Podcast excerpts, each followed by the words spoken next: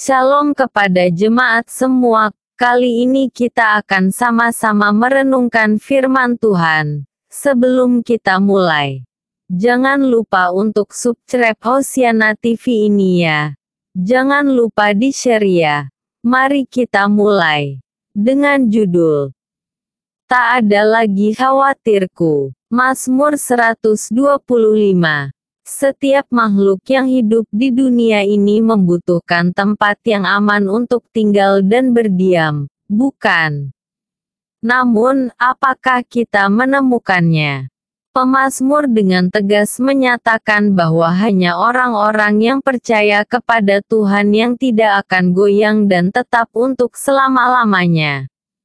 Pemasmur menggambarkan mereka seperti Gunung Sion, Sebab Sion terkenal sebagai gunung pilihan Tuhan, tempat kudus Tuhan, serta sebagai kota benteng.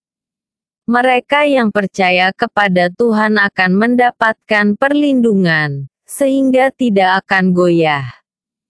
Perlindungan Tuhan juga layaknya Yerusalem yang dikelilingi oleh gunung-gunung. Melalui letak geografis Yerusalem ini, Pemasmur hendak memberitahukan bahwa Tuhan senantiasa berada di sekeliling orang-orang yang percaya kepadanya, sehingga mereka menjadi kuat dan tidak berubah, juga aman dan terlindungi. Mereka akan hidup aman dalam jaring pengaman kehidupan. Oleh sebab itu, jika umat Tuhan hendak memperoleh keamanan sepenuhnya, ada yang harus dilakukan. Pertama, percaya dan mengandalkan Tuhan sepenuhnya. Kedua, menjauhi kejahatan dan melakukan kebaikan.